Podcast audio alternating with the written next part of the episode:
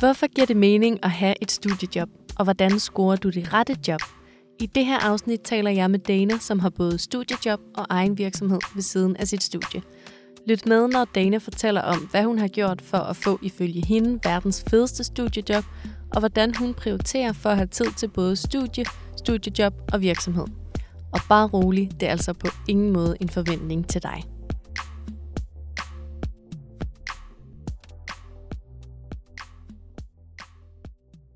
Hej, og øh, velkommen til Idas podcast, Ida Lyd. Øh, I det her afsnit skal vi tale om studiejob med dig, Dana. Øh, velkommen til. Jo, tak. Hvad er det for øh, en uddannelse, du er i gang med? Jamen, øh, lige nu der læser jeg en øh, kandidatuddannelse ude på DTU, hvor jeg læser øh, Computer Science Engineering på mit nu tredje semester er det vel.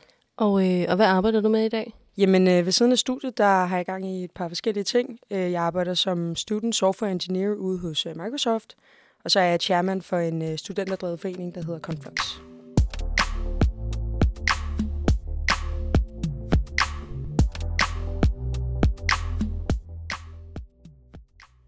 Jeg synes lige, vi skal øh, prøve at starte med at øh, skrive dit CV, øhm, fordi CV er jo en, en ret vigtig del af det her med at søge job. Øhm, så jeg vil lige starte med at stille dig nogle, øh, nogle spørgsmål til, øh, til det formål. Mm.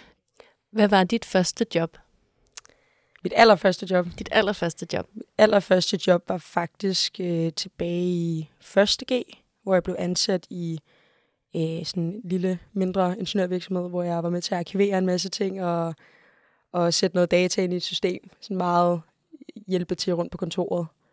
Og så efter det, så havde jeg så et job på en, på en tankstation på Q8. Øhm, så det var mine to første jobs. Så hvor mange jobs har du haft i alt? Ja, det er et godt spørgsmål. Tror måske, vi er på 6-7 stykker. Kan det passe? Ja. Og har du alle de jobs med på dit CV? Nej, det har jeg ikke. Altså, jeg tror, jeg tror der kommer sådan en meget naturlig overgang, hvor man begynder at kigge på, hvad er det egentlig, man gerne vil vise den potentielle arbejdsgiver, man så søger til. Øhm, og i tilfældet med Microsoft for eksempel, så var det ikke super relevant for dem at se, at jeg havde arbejdet Q8. Selvom jeg synes, det havde givet mig nogle gode ting, øhm, så tror jeg, at man kommer til et punkt, hvor man ligesom bliver nødt til at og vælge prioritere. Ud. Øh, også fordi, ellers ender man med at sidde med to sider lang CV, eller tre sider lang CV, hvor man kan følge alt muligt på. Og så er man også lige festudvalget i gymnasiet. Og sådan. Altså, der, der kommer et eller andet punkt, hvor man må sige, ja, så tager man det med, der er relevant. Har du noget øh, frivilligt arbejde, du har lavet igennem tiden, som, øh, som du har prioriteret på dit TV? Ja, det har jeg faktisk. Altså jeg tror, øh, tilbage i gymnasiet var jeg med i elevrådet, øh, og jeg blev også valgt ind som formand i to år. Og altså, man kan jo sige, der var jeg jo været 16, 17, 18 år gammel der, øh, så man kan jo godt argumentere for, at det er ret lang tid siden, og det måske ikke er så relevant. Men det, den rolle, den satte faktisk rigtig mange gange. Altså, for eksempel det med at finde et job i mit sabbatår, der var det rigtig brugbart, at jeg kunne sætte det på min tv i sin tid. Og jeg synes, jeg lærte rigtig meget om mig selv, og det har været med til at definere min lyst til at lave frivilligt arbejde sådan fremadrettet. Øh, så jeg plejer faktisk tit at tage den med, selvom den ligger så langt tilbage. Fordi Yes, så hvorfor er det lige præcis, øh, den giver mening i forhold til at have været i festudvalget, for eksempel? Jeg tror, det, det har givet mig, det er det her med, at man skal forholde sig til, nu kalder jeg det interessenter, men altså det, det er det jo i bund og grund. Du har nogle studerende på gymnasiet, du har lærerne, du har bestyrelsen, som man så også var en del af, øhm, og så er der mange, nogle gange konflikter i de interesser, som man på en eller anden måde skal prøve at finde enighed i, og, og finde en god løsning, som alle er glade for. Jeg tror, at det er noget, man kan bruge i alle arbejdssammenhæng. Det der med, at man kan se tingene fra flere vinkler, men også være repræsentant for nogen. Øh, så det, det er noget, jeg personligt har lært rigtig, rigtig meget af. Og når du søger, øh, søger job, mm. øh, målretter du så dit CV? Og øh, hvorfor eller hvorfor ikke? Det gør jeg. Øhm, altså, det er jo ikke så meget... Jeg tror, det er målretter, det er for eksempel øh, motiveret ansøgning. Det giver meget god mening. Øh, at man målretter det, hvad de arbejdsopgaver, der står på jobopslaget nu kommer til at være, og sådan nogle ting, og hvad for en virksomhed det er, man søger til. Nogle gange kan jeg også godt finde på at målrette beskrivelserne for hver øh, stilling, jeg har på. Så skriver jeg for eksempel, øh, hvis det måske er et mere teknisk job, jeg vil søge, så vil jeg målrette de tekniske ting, jeg har opnået i det job. Øh, hvis det er noget, noget andet, så vil jeg måske fokusere på nogle andre ting. Øhm, så jeg tror virkelig, det handler om, det er jo stadig sandt, alt det, jeg skriver på, men det er bare, hvilken vinkel man gerne vil vise den erfaring fra, tror jeg er det vigtige. Og hvordan finder du den vinkel? Er det ud fra, øh, fra jobopslaget, eller er det ud fra øh, netværk øh, i forhold til det job? Eller hvordan, øh, hvordan finder du ud af, hvad der er den rigtige indgangsvinkel i forhold til lige præcis det job? Helt sikkert. Jeg tror, at ja, den første, første ting er særligt jobopslaget. Hvordan er det formuleret? Hvad, altså, hvad er vægtningen? Hvis det nu er noget relateret til IT, så kan det jo være, at det er en, en jobstilling, hvor der er 80% programmering og 20% product management eller et eller andet i den dur. Og så kan man godt se det i ordlyden på jobopslaget. Jeg tror, den næste ting, som du nævner, er netværk. Jeg har søgt mange jobs, hvor jeg ofte har kendt nogle af dem, der har arbejdet der. Øhm, og så har jeg fra dem hørt, hvad de går op i i virksomheden, og på en eller anden måde inkluderet det. Øhm, og så tror jeg til sidst, det handler meget om, altså også bare kunne tage fat i arbejdsgiveren, der, der nu lægger det opslag op. Jeg har tit skrevet eller ringet til, til nogen, før jeg har søgt jobbet, for at få en idé om, når man, jeg kan forstå, at stillingen er det her, men kan du sige lidt mere omkring, hvad det egentlig indebærer? Og så får man lidt, lidt flere hints til både, hvad de forventer en, men også, hvad, hvad man ligesom kan skrive på øh, af ting, der vil passe godt til rollen, hvis det giver mening. Ja, det giver super god mening. Så udover at man øh, selv kan få noget ud af at ringe på et job, sådan i forhold til, hvad er det egentlig, Lige øh, det her arbejde går ud på, så kan man faktisk også bruge det til at målrette. Lige præcis.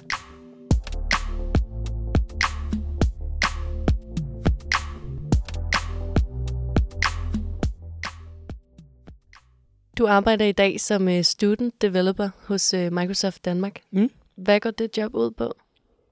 Jamen, det er jo... Øh, jeg har virkelig prøvet at øve mig meget på at forklare det her på en måde, så jeg selv forstår det, eller andre også forstår det.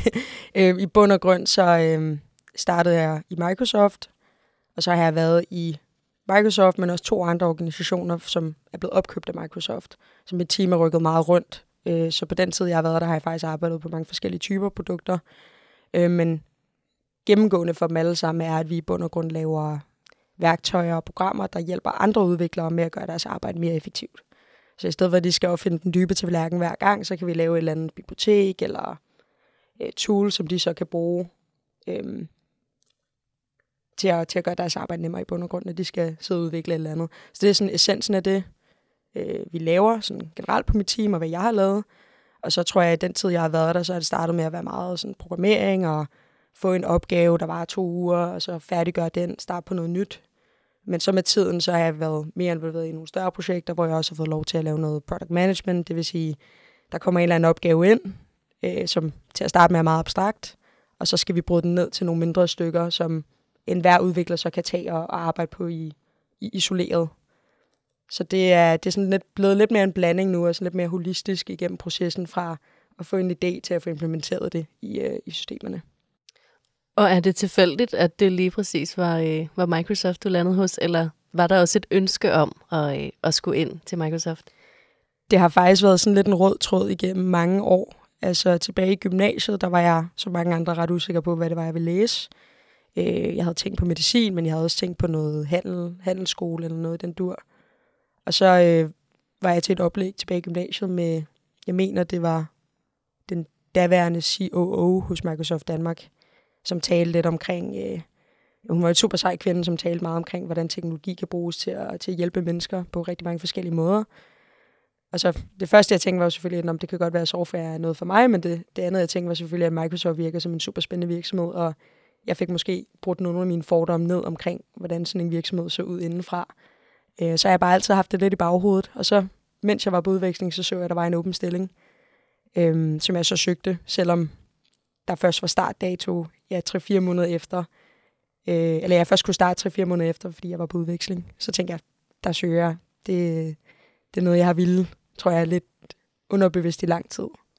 Har du gjort noget øh, sådan målrettet øh, for på et tidspunkt at skulle søge en stilling hos Microsoft?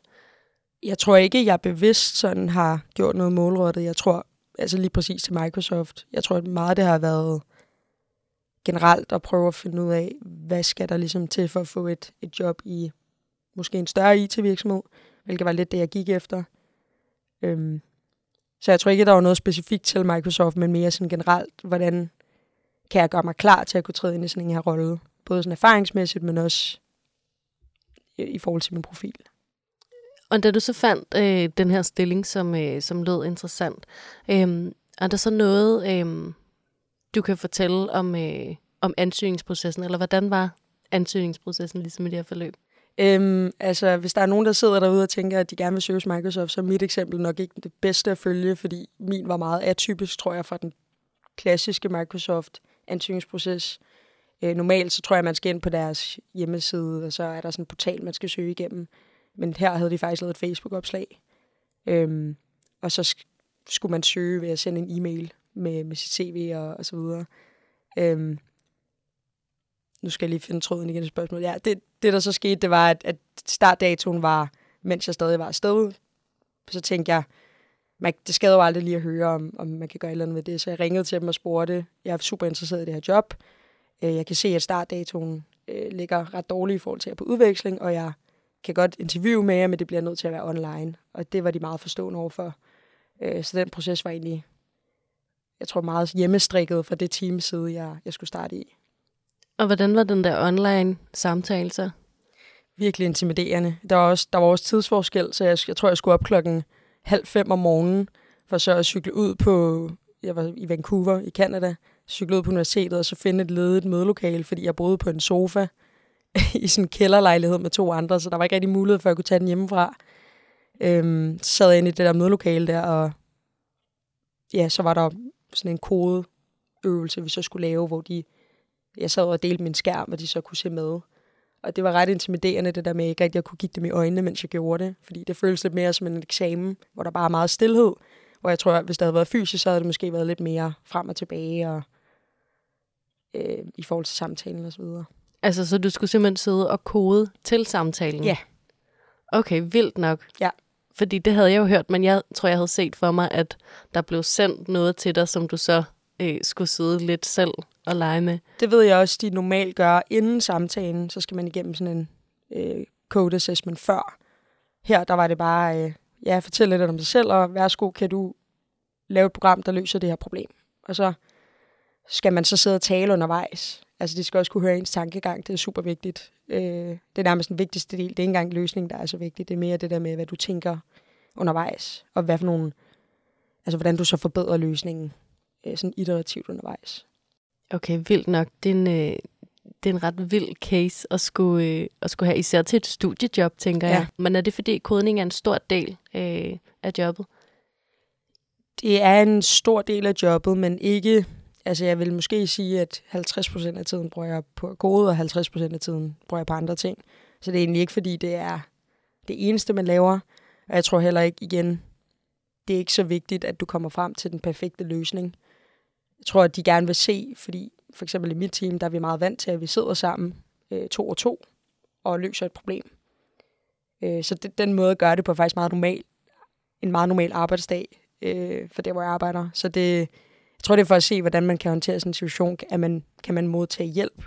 Hvis man nu er på vej på et tidsspor, kan det jo godt være, at de giver nogle hints. Er man coachable? Øh, kan man tænke omkring et problem fra forskellige vinkler? Og så kodedelen, ja, det er jo så værktøjet, man bruger til det, men jeg tror mere, at det er alt det andet, der ligger bag, der er vigtigt for dem. Ah, klart. Så der er meget andet i det, end bare øh, Yes. den tekniske del af det.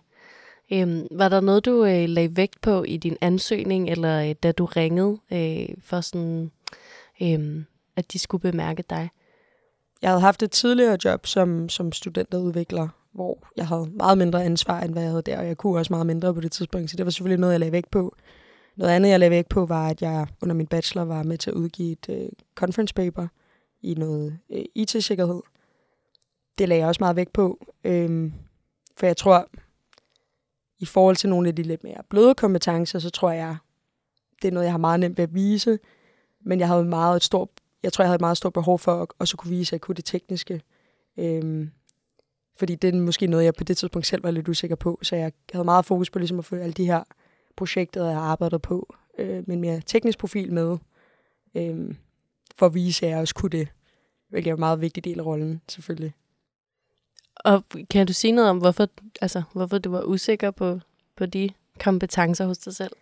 Men jeg tror egentlig, fordi det ikke nødvendigvis kommer super naturligt til mig. Altså, jo, jeg har altid været nogenlunde fin til matematik og nogle af de sådan, mere naturvidenskabelige fag. Men jeg tror, at der, hvor jeg måske altid har haft mit flære, har været nogle af de andre steder, øh, mere med kommunikation og få organiseret ting, strukturere opgaver og sådan nogle ting.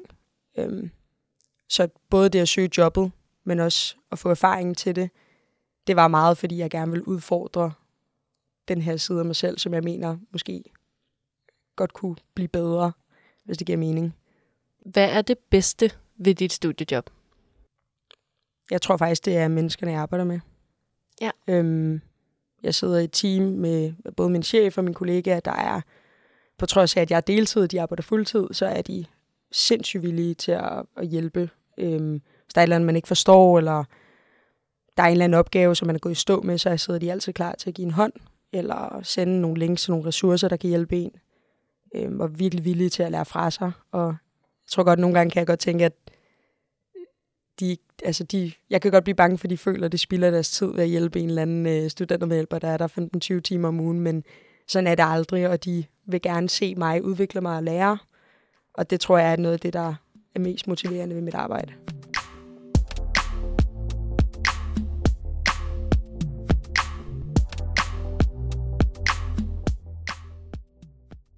Udover dit øh, job hos Microsoft, så har du øh, stiftet og leder øh, i dag øh, Conflux, som er en øh, non-profit. Hvad, hvad er Conflux? Øh, altså, ordet i sig selv, det kan jeg jo lige starte med, det betyder faktisk øh, to floder, der mødes og flyder sammen stærkere. Hvor smukt. det, ja, det var en hurtig Google-søgning, hvor vi fandt frem til det navn, så det er jo ikke sådan super gennemtænkt, men det endte som at have en god betydning. Øh, men det vi egentlig det organisationen egentlig øh, er, det er, at vi øh, er en studenterdrevet non-profit, som primært henvender sig til ingeniørstuderende og IT-studerende. Og så har vi ligesom to hovedaktiviteter. Det ene er et øh, mentorprogram, hvor studerende bliver koblet op med en professionel fra erhvervslivet. Og det andet er sådan et consultingprogram, hvor grupper af studerende får lov til at løse øh, et projekt for... Lige nu har vi Mads Stølling og Lundbæk med, øh, som stiller med nogle projekter, og så i sidste ende, så kommer de med et færdigt produkt eller en analysearbejde, som de så kan bruge videre hen. Øh, så det er ligesom de, de to aktiviteter, som, som vi laver. Og hvad ligger, altså, hvad ligger bag stiftelsen af Conflux?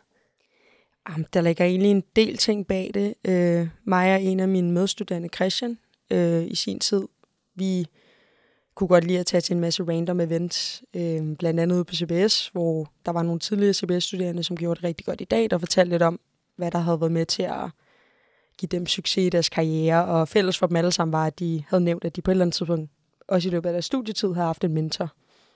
Øhm, samtidig så var jeg lidt et sted i mit studie, hvor jeg måske var lidt forvirret over, hvad jeg egentlig skulle bruge det til. Jeg følte ikke, jeg havde så mange rollemodeller øh, i forhold til nogle af, ja, nogle af de forelæser, vi havde, eller, eller så videre. Ikke fordi de ikke var dygtige, men jeg tror, jeg savnede lidt at kunne se en eller anden version af mig, 10 eller 20 år ude i fremtiden. Øh, så det motiverede os egentlig til at prøve at starte et mentorprogram selv ude på D2, fordi der ikke eksisterede noget. Og så har vi siden da skaleret det op øh, til nu at være på ITU, øh, Aalborg Universitet i København, og forhåbentlig også snart SDU. Og hvordan starter man sådan en altså, virksomhed? Hvordan går man fra at have fået ideen og opdage, okay, der, der er ikke noget mentorprogram på, på DTU, det må vi gøre noget ved. Altså, hvad var ligesom sådan rejsen i forhold til det? Jamen, først og fremmest, så er det jo det, vi satte os ned og blev enige om. Det kan godt være, at vi skal prøve at se, om det her kan lade sig gøre. Øhm, når vi ligesom blev enige om det, mig og, mig og Christian, så, øhm, så handlede det meget om først at lave noget forarbejde, hvor vi undersøger, når man, hvorfor er der ikke et mentorprogram? Er det, fordi der ikke er nok penge til det fra det to side? Er det, fordi der bare ikke er nogen, der har haft tid til at, at, bo, at stable lidt på benene? Øhm, er der nogle andre, der laver mentorprogrammer, som prøver at få så meget viden ud af forskellige organisationer og universiteter som muligt, og så bruge den viden til så at sige, okay, de, de fleste siger, at man nok skal have nogle arrangementer, som hjælper med at sætte relationerne godt i gang. Øhm, og så brugte vi ligesom den viden til at lave et pilotprojekt, hvor vi kun havde, ja kun, det var jo stadig en, en god chat der, men 23 par med, øhm, hvor vi så trykprøvede nogle af de her ting, fik nogle erfaringer, fik noget feedback, som vi så brugte til at skalere op til næste omgang var så omkring 150 matches. Øhm, og det var også noget med, at vi skulle have øh, stablet samarbejde på benene med det TUS Alumneforening, så de kunne hjælpe os med at finde mentorer derigennem. Øh, så meget af det her med at ja, indsamle viden, lave et pilotprojekt, få noget erfaring, og så opstille nogle, nogle samarbejdsaftaler. Og hvordan matcher I de her studerende med, øh, med de mentorer, der så måtte være ude fra, fra virksomhederne? Jamen, det gør vi ved at sætte en to-tre weekender af med en masse pizza og sodavand, og så øh, læser vi rigtig mange profiltekster igennem. Øhm, men, men der ligger selvfølgelig nogle værktøjer bag det, som gør det lidt nemmere. Blandt andet så får de studerende mulighed for at prioritere, hvilke mentorer de synes passer til dem. Det gør det også lettere, fordi det kan godt være, at de så ikke får en af de prioriteter, men så ved vi, at vi har en fjerde mentor, som minder meget i, i baggrund med nogle af de andre. Øhm, så kigger vi også på, hvor meget tid folk egentlig har brugt på at skrive deres ansøgninger. Altså hvis de kun har skrevet to linjer, jamen, så kan vi godt frasortere dem fra starten af, fordi det viser også noget om, hvor engageret man er, når man går ind i det. Øh, så vi har ligesom nogle procedurer for, hvordan vi griber det an. Fordi når man får 400 ansøgninger fra studerende og har 200 mentorer, så er det meget arbejde, hvis man skal til at læse alle igennem. Øhm, ja. Nu har du talt øh, lidt om det i forhold til det der med, øh, at nogle af de drømme, der er for Conflux fremover, det er, at I skal ud og være til stede flere på endnu flere universiteter. Mm. Øhm, men du siger også, at, at, at det er en studenterdrevet organisation, og nu er du i gang med din, øh, din kandidat. Yes. Øh, så du er snart færdig med at være studerende. Yes. Øhm, så hvad er øh, øh, din rolle i Conflux nu i forhold til det der med, at du, du er færdig på et eller andet tidspunkt? Ja, altså lige nu er jeg en ud af to chairman, eller chairs for chairwoman, kunne man også kalde det.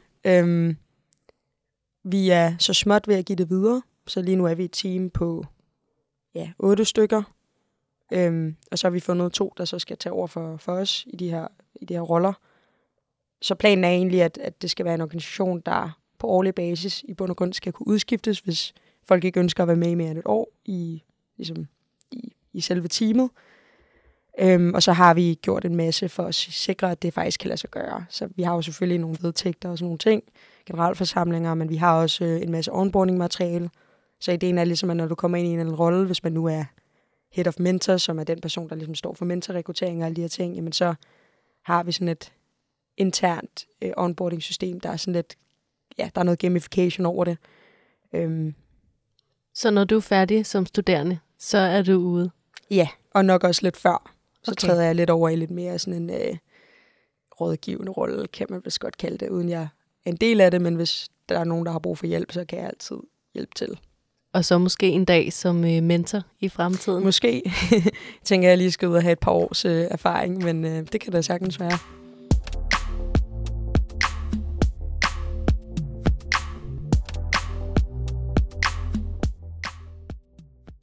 Udover at øh, jeg selvfølgelig synes, det er øh, mega inspirerende alt det, du laver, så, øh, så tror jeg også lidt, jeg kan sidde og tænke, øh, hvordan har du tid til øh, både at øh, drive en non-profit og øh, have et job på 15-20 timer ind hos Microsoft og studere øh, på din kandidat.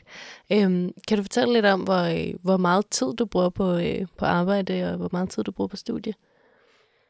Det er meget svært at sige, altså, fordi jeg tror måske også, at jeg har en lidt anden tilgang til det, end måske nogle andre af mine medstuderende har. Øhm, for det første, så har jeg jo også øh, forlænget min kandidat med et semester. Det har jo hjulpet øh, en del, fordi jeg har kunnet sprede min fag lidt mere ud øh, over fem semester i stedet for fire semester. Øhm, derudover så går jeg meget op i at tænke over, sådan, hvilke fag skal jeg måske følge med i i løbet af semesteret, og hvilke fag kan jeg sige, okay, men det, det kan jeg godt læse op til på tre uger og så få lige så meget ud af det, som hvis jeg havde fulgt med en gang om ugen øh, i forelæsningerne. Så jeg har meget sådan perioder, hvor jeg måske arbejder meget og ikke læser så meget, og så har jeg perioder, hvor jeg så skruer for læsningen og skruer ned for arbejdet. Men jeg tror, ja, hvis jeg skulle sige det sådan en procentsats, det ved jeg ikke, så bruger jeg måske en tredjedel tid på dem alle hver især. Det har jeg lidt dårligt med at sige det, fordi man skal helst gå på et fuldtidsstudie, men, øh, men ja, men jeg undernummerer jo som sagt også. Nå jo, men der kan jo godt være noget i det at have et, øh, et arbejde, som giver noget øh, til ens studie. Oplever du også det? Helt sikkert, ja. Altså jeg tror, det, det, det giver mig mest af, det er faktisk det her med, at mit studie er faktisk overraskende teoretisk i forhold til, at det er en ingeniøruddannelse. Altså ikke fordi vi ikke også har hands-on ting, men meget af det, vi lærer, er sådan meget fundamentale ting inden for computer science, hvor det, jeg lærer på arbejde, det er jo rent faktisk de værktøjer, man bruger, hvor den teori, der så ligger bag dem, det er så det, vi lærer på studiet. Så jeg tror, det, det giver mig, det er, at jeg lige pludselig kender nogle værktøjer, som jeg nok aldrig havde kendt, hvis jeg ikke havde haft et studiejob. Øh, og hvordan man bruger dem i bund og grund. Ja, og det har jeg i hvert fald også selv oplevet. Det der med at kunne sætte tingene i en, en sådan praktisk kontekst, giver bare virkelig god mening. Øhm, nu siger du det her med en tredjedel cirka til hver. Øhm, hvorfor har du valgt at prioritere sådan? Mm, jeg tror egentlig ikke, det har været et bevidst valg så meget, som det er, at jeg vidste, jeg ved med mig selv, at jeg får rigtig meget ud af at have et studiejob. Hvis det er et godt studiejob, hvilket det i mit tilfælde så er noget, jeg, jeg er glad for. Jeg tror, det andet, det, det her med Conflux, det er jo noget, der egentlig bare startede som en idé, og så er det udviklet sig, og så er det jo spændende at være en del af den rejse og prøve at få det til at blive bedre øh, og blive større. Og for at det ligesom skal kunne, for jeg både skal kunne lære noget fra mit studiejob, og være med til at udvikle Conflux, så kræver det den tid. Og det er sådan det, det naturlige øh, balancepunkt, der så er nået til, tror jeg. Og nu siger du det her med, øh, at du har øh, skubbet både din bachelor og din kandidat med semester.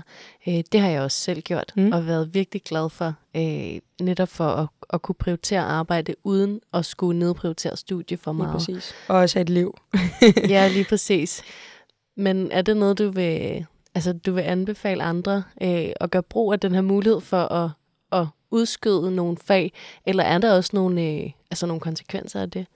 Altså, nu vil jeg prøve at give et nuanceret svar, fordi jeg plejer jo altid at sige til mine venner, der sidder i samme situation, og sige, at de bare skal udskyde. Øh, fordi altså, om man bliver færdig som 26 eller 27 det gør nok ikke en, en så stor forskel, når man skal arbejde til, man er 75, eller, eller hvor gamle vi nu er, når vi går på pension. Øhm, jeg tror, der er nogle flere ting i det. Jeg tror, det første er, hvorfor er det, man gerne vil udskyde? Altså være meget klar i spyttet omkring det. Er det fordi, man har fået et nyt studiejob, som man altså, gerne vil lægge nogle timer i, og gerne vil have noget fleksibilitet til at kunne lægge nogle flere timer i? Eller er det fordi, man tænker, ah, jeg vil bare gerne have lidt mere tid til at drikke øl? Og det er jo også fint. Altså, jeg tror bare, man skal være ærlig med sig selv om, hvorfor man gerne vil gøre det, og om, om hvad motivationen for det er. Øhm, så tror jeg, det andet er, hvis der skulle være nogle konsekvenser. Jeg ved i hvert fald på DTU, er det virkelig nemt at gøre det. Altså, der er virkelig meget fleksibilitet i, i hele kursusmodellen, og man kan nemt skydesemester, uden at der er nogen, der stiller nogle spørgsmål.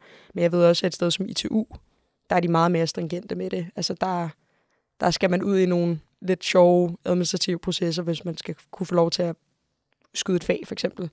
Altså, jeg tror, det er meget vigtigt at finde ud af, hvor nemt er det på dit universitet at gøre det. Øhm, kan det skabe nogle problemer for dig senere hen med nogle manglende testpoint eller noget i den dur? Jeg tror ikke, der er nogen arbejdsgiver, der stusser så meget over det, hvis jeg skal være helt ærlig. Og ellers så spørger de vel ind til det, og Ja. så er der. Lige præcis. Og så er det jo der, man, hvis man har tænkt meget over, hvorfor man gør det, så kan man jo enten sige, at jeg har brug for lidt luft, og have lidt mere tid til Og drikke øl. at drikke øl, eller måske bare tage ud og rejse, eller dyrke en eller anden hobby. Eller man kan sige, at det er, fordi jeg gerne vil have tid til at prioritere mit arbejde, men samtidig også stadig kunne følge med i mit studie og få gode karakterer, hvis det nu er det, man har lyst til.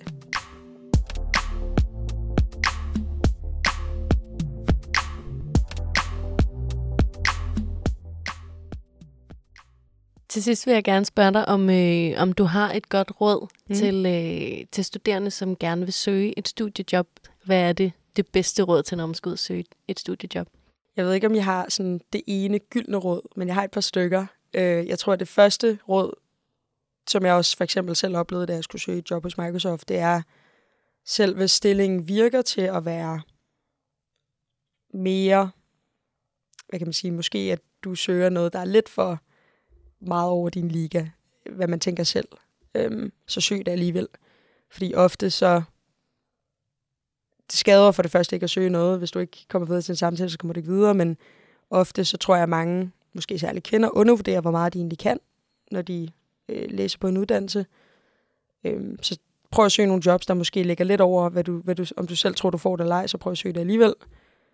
Det var det, der skete for mig i Microsoft i hvert fald, og jeg endte med at få en samtale. Jeg tror, det næste er netværk. Jeg ved, fra personlig erfaring, at netværk er super vigtigt, særligt et sted som, som Danmark, hvor altså, vi er et lille land, og folk kender hinanden på kryds og tværs. Prøv at høre rundt hos dine studiekammerater, familie, families venner, og jeg ved godt, at der, er- altså, der er forskel på person til person, hvor mange de egentlig kan tage kontakt til, men det kan jo være, at en af ens øh, studiekammerater ved, at der er en åben stilling et eller andet sted, og så lige kan sige til sin chef, at, at de kan anbefale dig. Og det er jo ikke, fordi man så får jobbet, men du får måske en, en mulighed for at komme til en samtale, som du måske ellers ikke havde fået. Så det, det vil være nummer to. Og så tror jeg, at nummer tre er igen det her med at tage kontakt til de mennesker, der, der laver stillingsopslagene. Hvis man får en afvisning, prøv at tage kontakt til dem og hør, hvorfor var det, at I, I sagde nej til mig? Øh, er det, fordi jeg mangler noget erfaring? Prøv at spørge ind til, hvad kan jeg så gøre for at gøre mit profil bedre? Øhm, så jeg tror ligesom, det de tre ting, der har fungeret godt for mig, og som jeg tror, mange studerende ikke nødvendigvis tænker over, at de kan gøre. Hvor mange måske går ind og kigger på Graduate Land eller LinkedIn, og så søger de et eller andet officielt stillingsopslag. Øhm, hvilket ikke altid er den mest effektive måde. Nogle gange er det.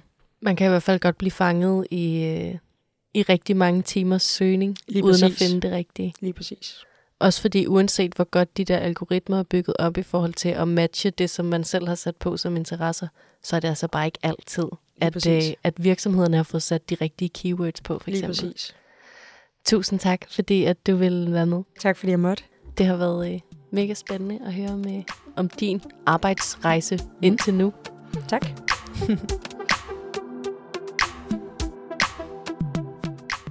Du har lyttet til Ida Lyd, Idas podcast til dig, der er studerende. Overvejer du selv et studiejob eller en praktik i forbindelse med dit studie, så klik ind på idastudiejobfinder.dk, hvor vi har mere end 200 studiejobs og praktikstillinger hos danske og internationale virksomheder, specielt for dig, der læser ingeniør, IT eller naturvidenskab. Du kan finde alle afsnit i Ida Lyd på Spotify, SoundCloud, Apple Podcast eller der, hvor du plejer at lytte til podcast. Mit navn er Augusta. Tak fordi du lyttede med.